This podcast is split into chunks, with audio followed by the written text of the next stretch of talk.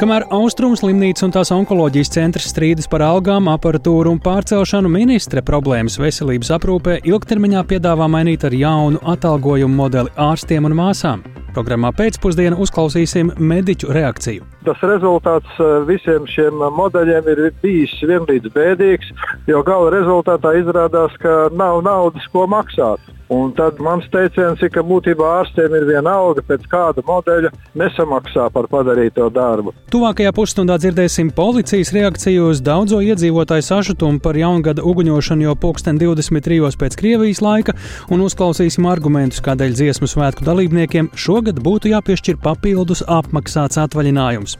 Tas viss jau pavisam drīz programmā pēcpusdienā kopā ar mani Tāli Eipuru.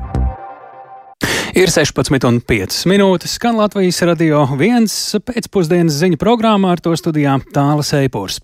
Un šodien sākam ar to, ka liela uzmanība pievērsta Austrumu slimnīcē. Tur gada izskaņā darbu pametuši jau divi ārsti, kuri nespēja vienoties ar slimnīcas vadību. Pārējie onkoloģijas centra mediķi viņus atbalsta un brīdinājuši par kolektīvo atlūgumu. Viņi ir izvirzījuši trīs prasības - slimnīcas valdes nomaiņa, pakalpojumu kvalitātes saglabāšana pēc tam, kad onkoloģijas centru pievienos slimnīcas slimnīcai Gaļazars un algas paaugstināšanu. Lai arī veselības ministre Līga Meņģelsone slimnīcas valdē bija iepriekš lūgusi meklēt veidus, kā noturēt speciālistus, pagaidām risinājums nav atrasts, tāpēc šobrīd no ārsta puses tiek gatavota atklāta vēstule, ko parakstīs Latvijas onkoloģijas centra ārsti. Plašāk Agnijas Lazdiņas ierakstā.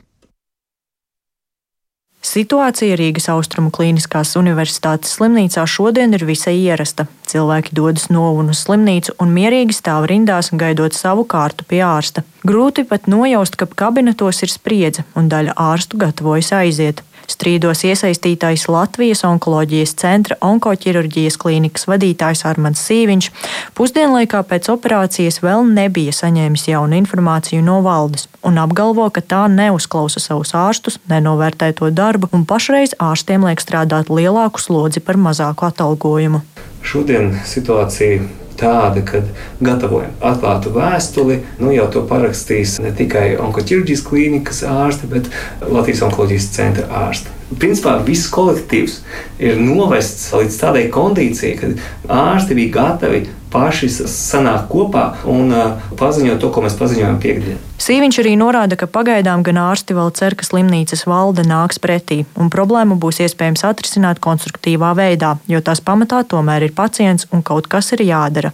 Turpina Sīviņš. Tas nebija mans kaut kāds uzstādījums, es nevienu neko neesmu piespiedzis. Vienkārši visi redzēja, kā valde izturās pret ārstiem. Un ka valdei ir galvenais palaist šo milzu, vislielāko operāciju bloku Baltijā, realizēt savas ambīcijas, bet pamatā pa, tur cietīs pacienti. Savukārt slimnīcas valdei šodien visas dienas garumā noritēja vairākas sēdes, kurās tika runāts par radušos problēmu, tāpēc arī plašākus komentārus sabiedrībai solīja sniegt vēlāk. Līdz pēcpusdienai tas vēl nebija noticis. Agnija Lazdiņa, Latvijas radio. Veselības ministra Līga Mendelsona tātad saredz, ka situāciju var izsināt ārstiem un medmāsām pārējot uz pilna darba laika apmaksu, un šorīt Latvijas radio viņi arī norādīja, ka to varētu lemt jau šī gada budžeta kontekstā. To gan varētu, kā zināms, pieņemt tikai martā. Ministri cer, ka tad, ja mediķiem vairs nebūs jāstrādā vairākās darba vietās iztiks nopelnīšanai, samazināsies arī izdegšanas riski, laiks ceļā un citi negatīvi faktori. Jaunā ministre e, gan vēl neorientējas nozares procesos un tāpēc neredz labāko risinājumu Tik skarbi veselības ministrs iecerēja nodrošināt mediķiem pilna darba laika samaksu vērtē Latvijas veselības un sociālās aprūpas darbinieku arotbiedrības priekšsarātais Valdis Kēris. Viņš uzskata, ka sistēma nav jāmaina, lai atrisinātu problēmas, vienkārši jāpalielina budžets nozarei. Labākais risinājums ir gauži vienkāršs ir atbilstoši tam, ko valdība mediķiem jau ir iepriekšējos gados rakstiski solījusi, jāpalielina darba samaksai domātais finansējums budžetā un šīs darba samaksas sadales sistēma, kas pašlaik jau darbojās, ir pietiekami sīka reglamentēta, lai nodrošinātu darba samaksas pieaugumu pie nosacījuma, ka tiek iedalīti vajadzīgie līdzekļi. Stratēģisku pārkārtojumu darba samaksas sistēmā šī brīdī vajadzība izdarīt nav. Tā valdis Kēris, bet sazinājāmies arī ar Latvijas ārstu biedrību, lai noskaidrotu viņu redzējumu par ministras piedāvājumu. Un lūko saka ārstu biedrības valdes loceklis Viesturs Boka, kurš arī pats strādājas darba grupās pie atalgojuma modeļa ārstiem. Par uh, algu modeļiem jautājums jau ir diezgan ar garu bādu. Ir bijuši pie vairākiem ministriem vairākas darba grupas, kur arī speciālisti šos modeļus veidojuši, pilnā darba laika ekvivalentu, nu, ar domu, lai piesaistītu atalgojumu apjomu pie produktivitātes, respektīvi par ko tad īsti saņem par kādu padarīto darbu. Bet jāsaka, ka tas rezultāts eh, visiem šiem modeļiem ir bijis vienlīdz bēdīgs, jo gala rezultātā izrādās, ka nav naudas, ko maksāt. Un tad mans teiciens ir, ka būtībā ārstiem ir viena alga, pēc kāda modeļa nesamaksā par padarīto darbu. Jo, ja finanšu ministrija un valdība kopumā atrod uh, līdzekļus, tad mēs varam runāt par šī modeļa dzīvotspēju. Un otrkārt, kas mazliet sarežģīja situāciju, ir, ka ir mēģinājumi šo algu maksāt caur tarifu. Savukārt tarifs ir tas, ko ārstniecības iestādes saņem. Mēs zinām, ka tarifos viss ir aprēķināts neatbilstoši pašizmaksām. Izdevumi ir jāsedz, un slimnīcas nevar atļauties teiksim, samaksāt algu, bet nepirkt zāles, neremontēt aparatūru un tas viss ir tādā kopējā tarifē. Mazliet uh, traucē visu šo jautājumu risināt to, ka slimnīca ir kapitāla sabiedrības, kurām jāstrādā ar pēļņu. Un uh, visus šos momentus saliekot kopā, protams, ka jebkuram algu modelim viņam ir jēga, ja mēs tam atrodam naudu. Cerēsim, ka ministrs teiktajām atradīsies dzirdīgs auss arī koalīcijā. Tad kas būtu tas, ko jūs sagaidītu liekam priekšā no ministra puses? Ne, nu, šis modelis, eh, ja viņš ir pārdomāts un ministri viņu liek priekšā, tad attiecīgi kā uz to reaģē finanšu ministrija, vai šim modelim aprēķinātā nauda tiks piešķirta, ja nē. Lai izmaksātu algu, ir vajadzīga nauda. Tā viesturs Boka no ārstu biedrības, tikmēr slimnīcu biedrībā pirms pieņemt konkrētus lēmumus ļoti aicina ministri nākt uz sarunu ar nozares organizācijām. Pagaidām ministrs priekšlikums izsakot ļoti maz, tā Latvijas radio apliecināja Ingūna Liepa Cēsu klīnikas vadītāja un arī slimnīcu biedrības locekli pašlaik neredzu gatavību vispār to realizēt. Pirmām kārtām ir ārkārtīgi liels darba spēka deficīts, tad pastāv ārkārtīgi spēcīga konkurence par katru vakanci, kas parādās. Un otrs ir tas, ka esošajā situācijā šāds darba samaksas modelis nebūs dzīvot spējīgs, ja viņš neiekļaus arī ambulatoro palīdzību, ja pie pilna laika ekvivalenta netiks pievienot klāt noteikti plānotie normatīvi, jo savādāk mēs runājam par apjomu, kas būtu jāveic piemēram vienam ārstam, māsai vai citai reglamentētās profesijas pārstāvim, bet tas jau ir atrunāts pirmkārt amata aprakstā konkrētam darba devējam konkrēto darba ņēmēju, un otrs tas jau ir profesijas standartā, pamatprasībās reglamentētajām profesijām, ko nosaka likumdošana. Tā kā viņš jau faktiski zināmā mērā dublē. Bet šeit būtiski ir izstrādāt normatīvus, lai saprastu, cik liels darba apjoms ir jāveic tajā noteiktajā darba, piemēram, no 8 stundās. Jo pagaidām šādu reglamentējošu plānošanas mums ciparu nav. Ministrija sola, ka varētu būt parādīties gada vidū, tad, kad principā tiks veikta noteikti principā, izpēte, ko es saprotu, ka arī Virs Ernsts un Janks, kā viena no firmām, kas ir nolīgta šī procesa veikšanai, lai saprastu vienkārši, cik tad ir pacienti jārastē, pieņemsim, vienas slodzes ietveros, cik pacienti jāpieņem ir vienas stundas laikā, un vesela rinda vēl citi šādi reglamentējoši plānošanas dokumenti, lai vispār mēs visi runātu vienā valodā. Tālūk, Ingūna Liepa Cēsu klīnikas vadītāja. Mēs ejam tālāk pie nākamā stāsta, un tas mums ir no Ukrainas. Krievijas dzīvā spēka zaudējumi karā Ukrainā ir sasnieguši 107,440 karavīru. Stāziņo Ukrainas armijas ģenerālštāps diennakts laikā viena iznīcināti 720 iebrucēji. Visvairāk bojā gājušo varētu būt Ukrainas raķetes triecienā okupētajā Donetskas piepilsētā Makijivkā. Tur varētu būt nogalināti simtiem Krievijas mobilizēto esot nogalināti nogalināti 400 un ievainoti 300 cilvēki. Dažādos avotos gan vēl ziņas atšķiras. Mobilizētie bijuši izmitināti arodskolas ēkā, kurai jaungada naktī trāpījusi Ukrainas raķete no iekārtas Haimārs. Krievijas militāro jautājumu blogeris Boris Rožins savā kanālā raksta, ka drupu novākšana turpinājusies vēl vakar vakarā. Bet 2023. gadam ir jābūt Ukrainas uzvaras gadam. Šādi apgalvojumi nevienu reizi vien ir izskanējuši gan no Ukrainas prezidenta Volodimira Zelenska, gan citu Ukraiņu amatpersonu puses. Kā karš attīstīsies un vai tiešām ir gaidāmas tā beigas, tur gan viedokļi atšķiras. Oģis Lībietis ir apkopojis viedokļus par to, kādi notikumi varētu gaidīt Ukrainu 2023. gadā. 2023. gads Ukrainā sācies ar kārtējiem Krievijas dronu un raķešu uzlidojumiem, un lai arī kopumā kaujas aktivitātes frontē ziemas laikā it kā liekas pieklusušas, vairums ekspertu prognozē, ka pavasarī varētu būt gaidāma jauna Krievijas militārā ofensīva. Netrūkst arī to, kuri uzskata, ka pirmie uzbrukumā varētu doties Ukraiņi. Taču viens ir skaidrs - karš nekur nepazudīs.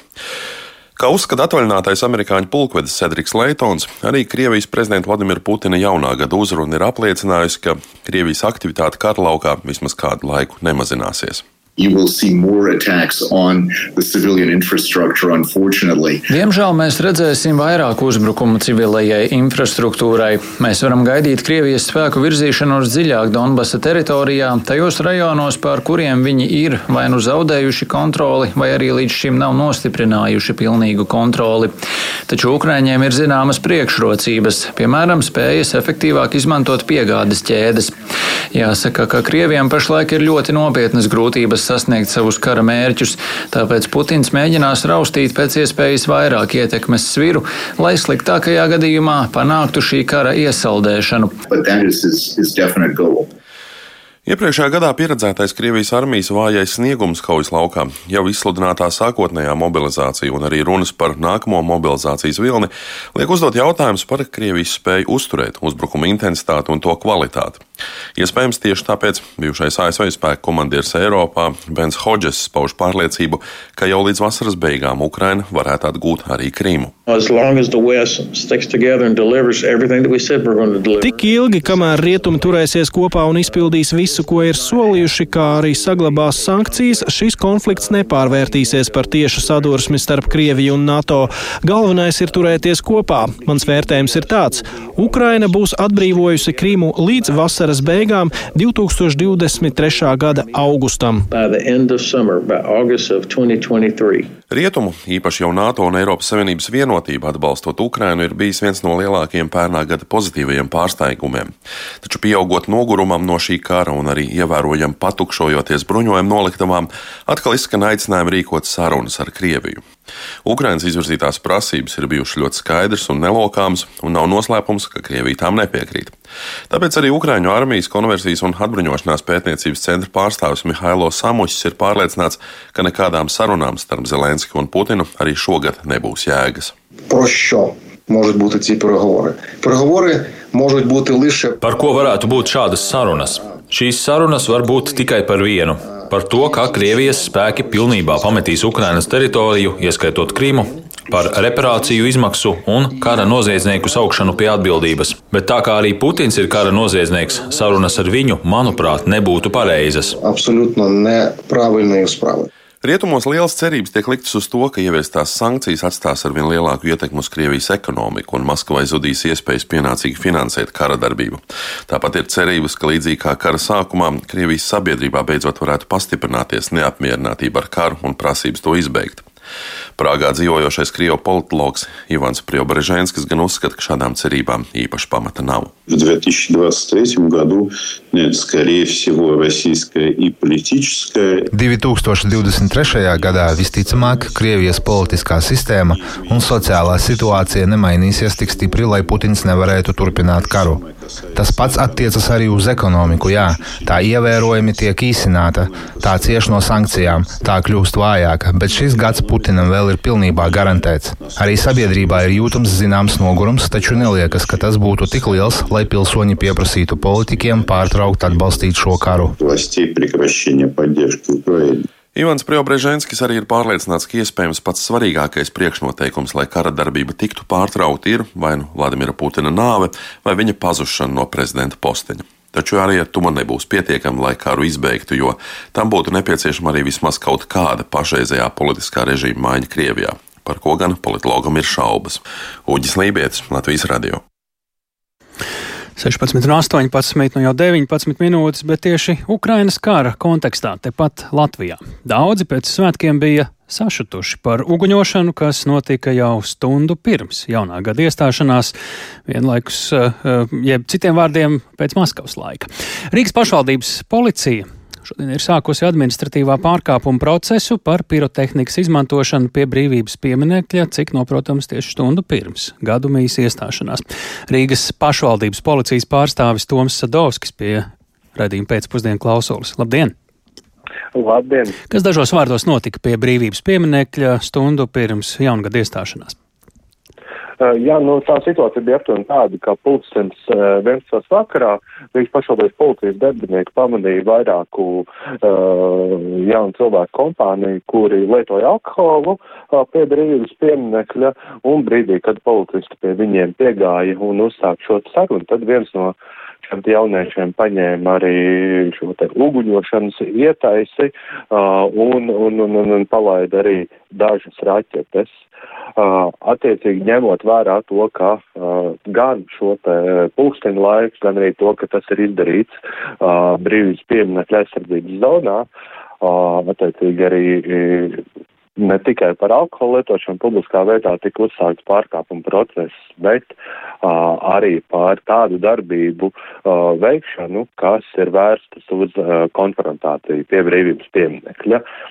Uh, un, uh, un vēlāk jau uh, šie paši uh, personāži, kur bija šo te uh, uguņošanu veikuši, tā teikt, tad uh, jau pāris dienas vēlāk vai nākamajā dienā uh, sociālos tīklos uh, publicēja jau video kopā ar uh, Krieviju slavinošu mūziku un, un, un, un tam līdzīgi. Nu, un tad, attiecīgi, jau šajā video atkal mēs saskatījām jau, ka uh, tur varētu būt uh, šī administratīvā pārkāpuma, uh, militārās agresijas un kara nozieguma slavinošu simbolu izmantošana publiskā vietā, proti šajā gadījumā internetā. Uh, Uh, un par to uzsākts ir vēl viens administratīvā pārkāpuma process. Kāds sots draud, ja skatāmies šo pantu?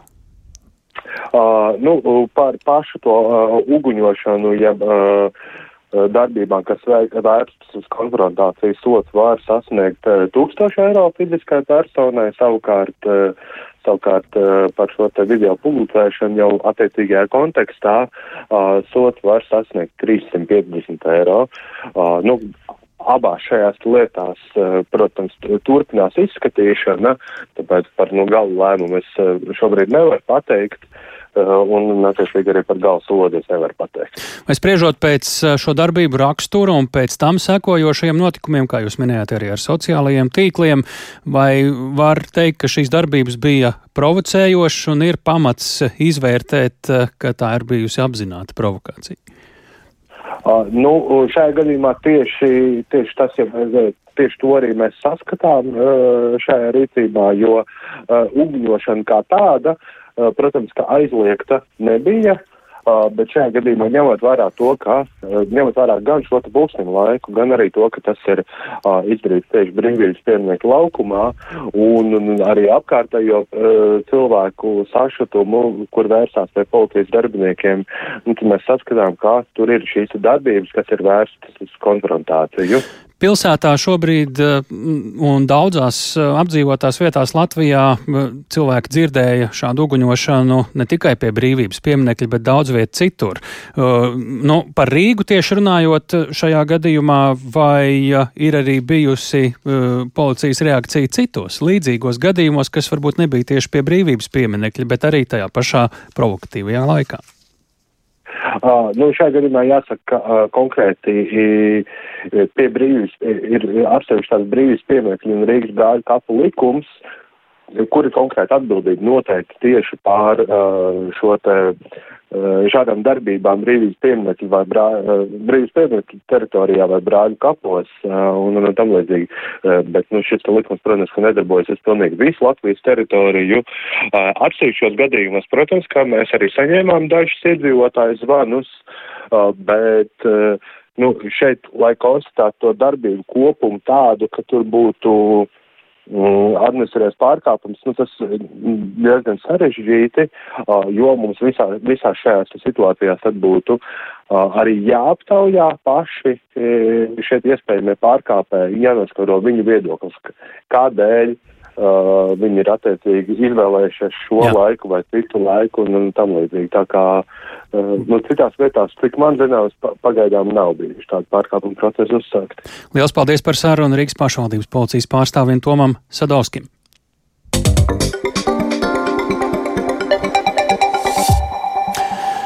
Vai un kāpēc dziesmu un dēļu svētku dalībniekiem būtu jābūt tiesībām uz apmaksātu papildu atvaļinājumu? Vai bīstamākā situācija ar plūdiem Latvijas upēs ir vēl tikai priekšā? Šie divi temati un vēl citi būs eh, Latvijas radio viens eh, ziņu raidījuma pēcpusdiena turpmākajās minūtēs klausāmi. Turpinot ielūkošanos eh, nākamā, nākamajā gadā, bet nu jau ekonomikā gan visā pasaulē, gan Latvijā, šogad varam teikt, ka Latvijā ir sagaidāma recesija. Tas nozīmē, ka samazināsies ekonomiskā aktivitāte un eksports, varētu augt arī bezdarbs. Savukārt Eiropas centrālās bankas lēmumi par procentu likmju kāpumu sekmēs inflācijas mazināšanos. Vairāk par šo gadu ekonomikā stāsta Daina Zalamane. Visi aptaujātie eksperti vērtē, ka vissarežģītākais ekonomikā būs gada sākums. Atšķiras vērtējums, vai gada otrajā pusē varam sagaidīt situācijas uzlabošanos. Fiskālās disciplīnas padomas priekšsēdētāja vietnieks un bankas citadela ekonomists Mārtiņš Āboliņš vērtē, ka šogad ekonomikas izaugsme nav gaidāma. Rūpniecībā gada pirmā puse cicamāk sabramzēsies. Mēs redzam jau šobrīd jaunie pasūtījumi samazinās, gan šis energoresursu stāsts, gan, teiksim, inflācija. Tur daudz faktori Eiropā, ASV, tur arī tur ir gaidām recesija. Tas noteikti ietekmēs mūsu eksportētājs, gan rūpniecību, gan pakalpojumu nozares un, protams, visi, teiksim, ģeopolitiskie riski. Par gadu otro pusi cerības ir, ka tā situācija varētu jau kļūt labāka, bet nenoteikti pārāk liela. Mēs tā pilnīgi pārliecinoši varam pateikt, jā, ka noteikti izaugsme tur sāks atkal iet uz augšu. Varētu tā būt, bet uh, redzēsim. Latvijas Universitātes biznesa vadības un ekonomikas fakultātes dekāns Gundars Bērziņš vērtē, ka ekonomiku būtiski ietekmēs arī ECB lēmumi par procentu likmju kāpumu. Eiropas centrālās bankas noteiktās procentu likmes ietekmēs katru Eirozonas iedzīvotāju, tā skaitā arī visus Latvijas iedzīvotājus. Tieši ietekmēs tos, kuriem ir kredīti, netieši tas būs saistīts ar to, ka, teiksim, valsts aizņemšanās izdevumi varētu pieaugt. Otrs ir iespējamā recesija gan pasaulē, gan Eirozonā, ko visi šobrīd gaida. Tas nozīmē, ka ekonomiskā aktivitāte samazināsies, varētu pieaugt nedaudz bezdarbs, grūtāk būs eksportēt uh, mūsu produkciju uz ārzemēm. Trešais, kas arī tiek gaidīts, ka inflācija tomēr samazināsies nākošajā periodā, tieši tāpēc, ka Eiropas centrālā banka ceļ procentu likmes un uh, ekonomiskā aktivitātei krītoties, mēs varam sagaidīt, ka inflācijas izaugsmes temps būs ievērojami mazāks. Vispozitīvāk nākamo gadu ekonomikā vērtē ekonomikas ministrijas analītikas daļas vadītāja Dace Zīle. Viņa prognozē, ka gada beigās varētu sagaidīt nelielu, bet pozitīvu IKP pieaugumu un inflāciju zem 10%. 30%. Gada pirmā puse būs sarežģītāka, taču apstākļiem nepasliktinoties ģeopolitiskajā situācijā sagaidām, ka gada otrajā pusē jau varētu būt eh, novērojams stabils atkopšanās pazīmes. Nākotnē uz priekšu enerģijas cenas vairs nekad nebūs tik zemas, kādas viņas ir bijušas pirms Krievijas iebrukuma Ukrainā. Tās tiešām ir eh, liels struktūrāls pārmaiņas ekonomikā, kur lielākie ieguvēji būs tie, kas strādā zaļajā virzienā, ekonomikas pārorientēšanā visas energoefektivitātes, jo, nu, protams, 100% atlaide ir tai enerģijai, kas nav iztērēta. Mārtiņš Čāboliņš no Fiskālās disciplīnas padomas vērtē, ka pozitīvu Latvijas ekonomiku nākamgad ietekmēs Eiropas Savienības fondu pieaugums. Pēc finanšu ministrijas aplēsēm nākamā Latvijā varētu ienākt uh, 800 miljonu eiro vairāk nekā tas bija 2022. gadā.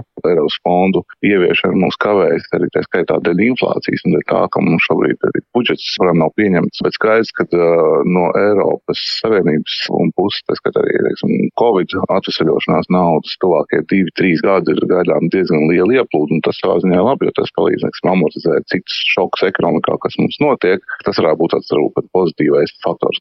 Runājot par 2023. gadu ekonomikā, joprojām ir daudz nezināmā. Nav zināms, kāds būs Latvijas jaunais budžets un tajā noteiktās prioritātes, jaunizveidotajai klimata un enerģētikas ministrijai nāksies domāt gan par gāzes iepirkumiem nākamajai ziemai, gan par skultes sašķidrinātās dabas gāzes termināļa nākotni. Daina Zalamane, Latvijas radio. 2023. gads pasaules ekonomikā būs ļoti grūts, tā brīdinājusi Startautiskā valūtas fonda vadītāja Kristalina Georgieva.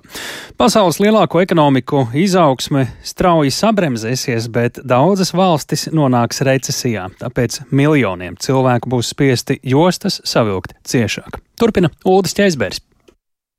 Covid-19 pandēmijas dēļ smagi cietusī globālā ekonomika 2022. gadā nespēja atlapt, jo Krievijas uzsāktais pilna apmēra karš Ukrainā izraisīja strauju energoresursu cenu un inflācijas pieaugumu pasaulē.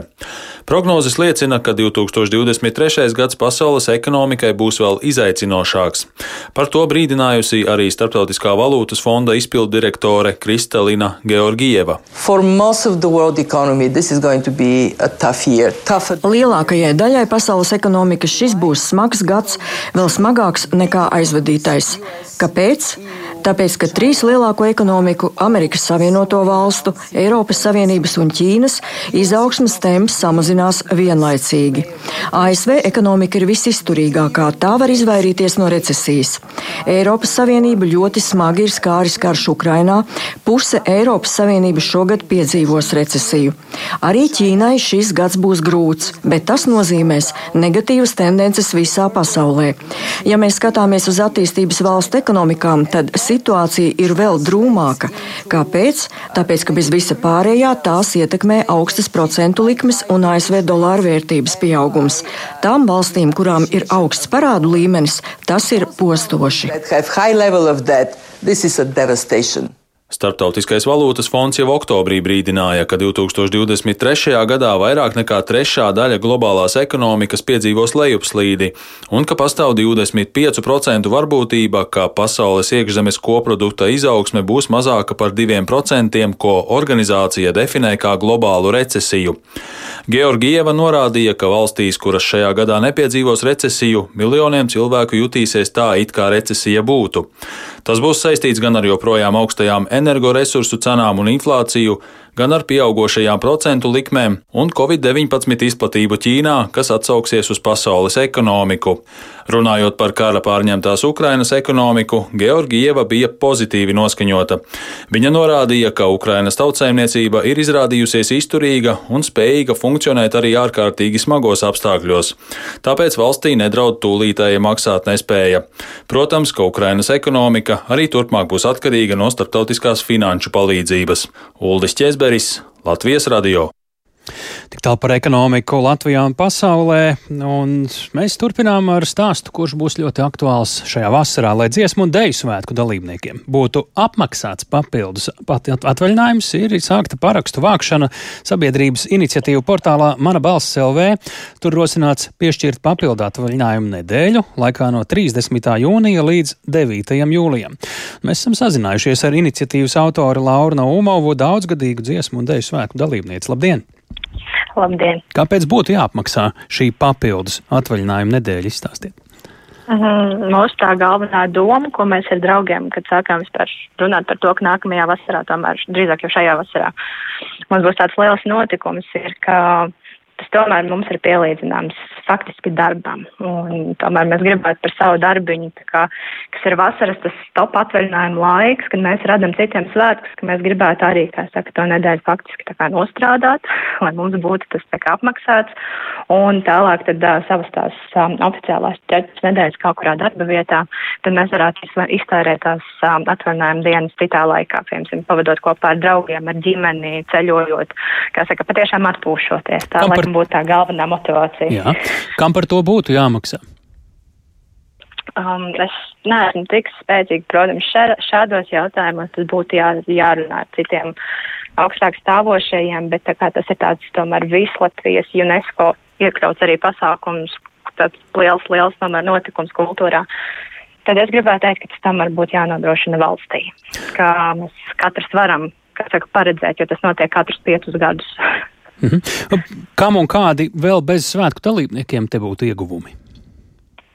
Mm, to, kā, kā lieliski atpūties cilvēks ir laimīgs cilvēks. Un, ja mēs, teiksim, tas var celt to kopējo, mm, kā lai saka, dalībnieku pašapziņu, ka viņi dara ne tikai labu sev, un visai tai kultūrai, bet ka viņi pēc tam tā kā vai viņi tiek novērtēti pienācīgi un līdz ar to savu pozitīvismu viņi dod arī citiem. Vai jūs ar draugiem esat arī apmēram pamēģinājuši parēķināt, cik daudz cilvēkus tas varētu skart, jo ne visi strādā tieši algotu darbu un iet klasiskos atvaļinājumos, ne visi ir vispār strādājošie šajā brīdī, ir seniori, svētkos un tā tālāk. Ap kāds ir priekšstats jums, uz cik cilvēkiem tas varētu attiekties?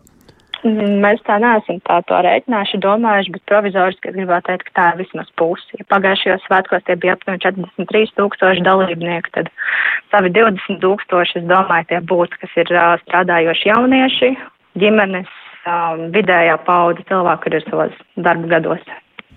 Lielas paldies par sarunu. Tā mēs uh, secinām kopā ar Lauru Naumovu, daudzgadīgu dziesmu un deju svētku dalībnieci, spriežot par ierosinājumu dziesmu deju svētku dalībniekiem noteikti apmaksātu papildu atvaļinājumu.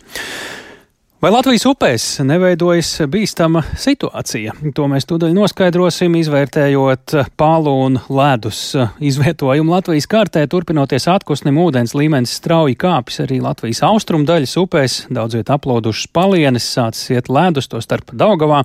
Šorīt ledus Latvijas lielākajā upē izkustējies arī pie Daugavpils, taču pagaidām upe tek mierīgi un ledus sastrēgumi tur neveidojas. Plašāk Lauras ieviņas ierakstā. Pēdējie lielākie plūdi Daugopilī bija 2013. gadā, taču pašlaik situāciju Daugopils pilsētas atbildīgās pašvaldības amatpersonas vērtē kā kontrolējamu, un iedzīvotājiem nav pamata satraukumam. Turpina Daugopils komunālās pārvaldes tehniskais direktors Teodors Binders. Ūdens līmenis virs stācijas nulles atzīmes 3,05 metri. Viņš samazinājās par 50 centimetri. No rīta viņš bija 3,6 metri. Pagaidām situācijā kontrolējama, nekā kritiski nav. Nu, es domāju, kad būs 5 metri, mums ir maza upīte, tas laucas, mēs uh, slēgsim šandori, lai ūdens neiet uz pilstas teritorijā. Binders stāsta, ka lielākais plūdu risks Daugaupilī ir pilsētas dārzu kooperatīvu rajonā. Nu, tagad mums ir jauna aizsarga dambjūs izbūvēta pagājušo gadu nodot eksploatācijai. Ceram, ka tur arī problēma nebūs. Daugopils mikrorajonā Mežciems, kam blakus tek Daugava, satiktā Irina stāsta, ka te plūdu draudu nesot. Šajā pusē nē, bet eh, pretī nu, tiešām jā, ir tā. Jūsu māja ir šajā pusē? Jā, šajā pusē. Jā. Vasarnīca eh, māte, ir eh, Rugiļos, tur tālāk nedaudz. Jā, tur tiešām kādreiz bija plūdi. Un diezgan augsts ūdens līmenis bijis, bet tagad tur ir tāds dambis un nekas nebūs. nu, ceram! Aleksandrs dzīvo 300 metrus aiz Daugopils robežas Līksnes pagastā. Viņa māja ir pavisam netālu no Daugavas. Šajā vietā Daugavas krasti ir lēzeni. Jā, es to dzīvoju jau 20 gadi. Plūdums pēdējais bija 13. gadā. Varbūt būs šajā gadā ļoti varbūt. Traucaties? Nu jā. Lai arī pagaidām iedzīvotājiem satraukties nevajag un situācija nav bīstama, tomēr meteoroloģi atgādina, ka ir jābūt piesardzīgiem, jo ūdens līmenis var strauji mainīties. Tāpat arī ledus šobrīd ir nedrošs un uz tā kāpt nedrīkst. Laura Ieviņa, Latvijas Rādio studija Latgalē. Ko par bīstamību kopumā Latvijas upēs saka hidrologi? Esam sazinājušies ar Latvijas vides geoloģijas un meteoroloģijas centra hidroloģiju Līgu Klīns. Labdien! Labdien! Kāda šobrīd ir situācija kopumā, kur tā ir viskritiskākā attiecībā uz ūdens līmeni un ledus sastrēgumiem? Jā, nu šobrīd mēs, teiksim, spēcīgāku par dzelteno brīdinājumu neesam iz, izsūtījuši, jo ūdens līmeņi nav kritiski augsti, tomēr brīdinājums ir spēkā, jo daudz vieta visā Latvijā iet ledus, un šīs svārstības ir diezgan krasas un, un grūti prognozējama katra, katras upes posms, kur tas notiks. Mhm. Šobrīd ledus iet, e, kā, kā, jau, kā jau pēdējās dienās Lielupē, ir sākusies šodien arī ledus iešana pie Jelgavas, un ledus virzīsies tātad tālāk uz, uz Leipecas posmu. Tāpat ledus kustības ir arī aiviekstē, Daugavā vairākos posmos, bet nu, nekas ļoti kritisks šobrīd nav novērots. Kāds šobrīd ir tuvāko dienu prognozes kritiskākajās vietās, tas tā kulminācija vēl šobrīd izskatās, ka varētu būt priekšā, vai faktiski tagad mēs to piedzīvojam un situācija iet uz normalizēšanos? Un kopumā ir tā, ka ledus iešana turpināsies tātad le, vairāk jau upju uh, lejas posmos, ja augštacē ir izgājis Daugavā.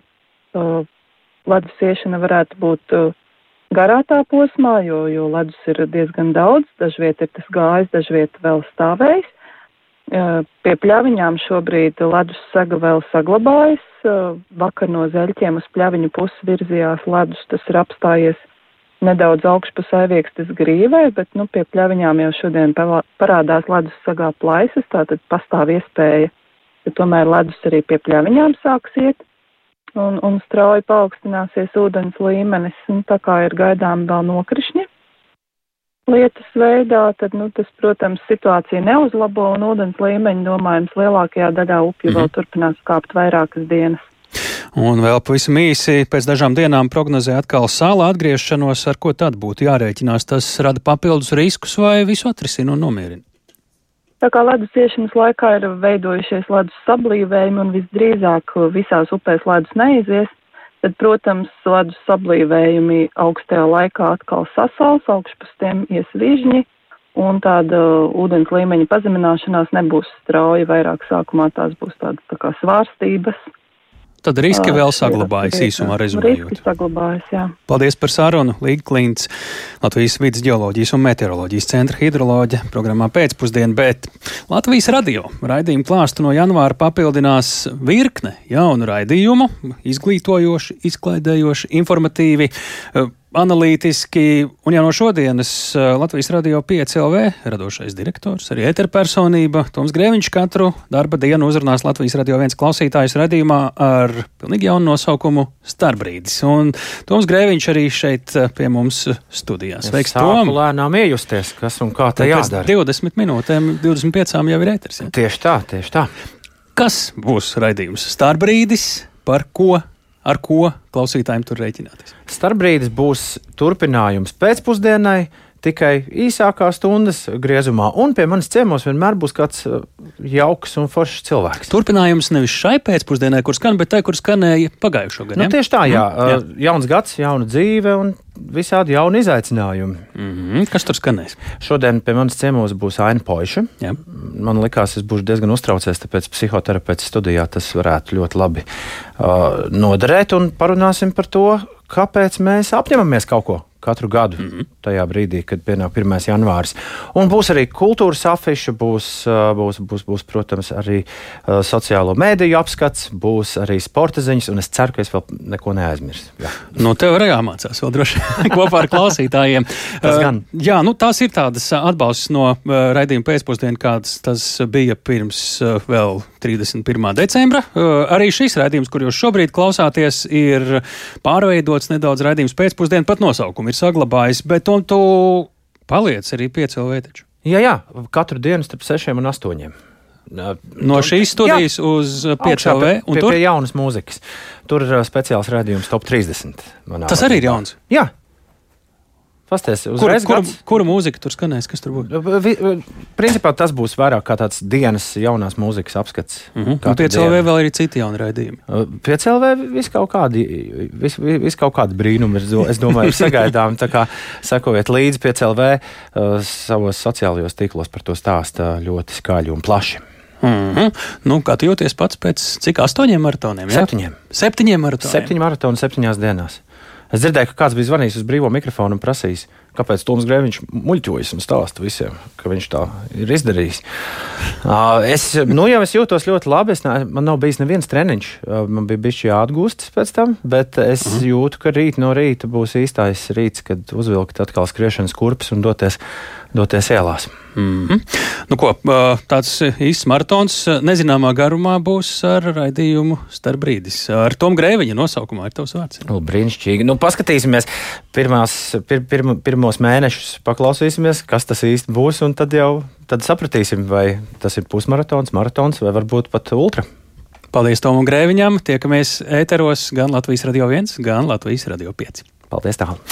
Mēs programmu pēcpusdienu vai raidījumu, ziņu raidījumu pēcpusdienu šobrīd lēnām noslēdzam. Atgādinām, ka svarīgākie temati, par kuriem runājām, bija veselības ministra problēmas veselības aprūpē ilgtermiņā piedāvā Mainīt ar jaunu atalgojumu modeli ārstiem, māsām, mediķi skeptiski aicina uz sarunu un norāda uz papildus finansējumu nepieciešamību. Tāpat arī ir sākusies parakstu vākšana par apmaksātu papildu atvaļinājumu dziesmu un deju svētku dalībniekiem, bet Latvijas upēs pali varētu sākt norimt pēc pāris dienām, bet situācijas bīstamību tas vēl nekādi neatrisina.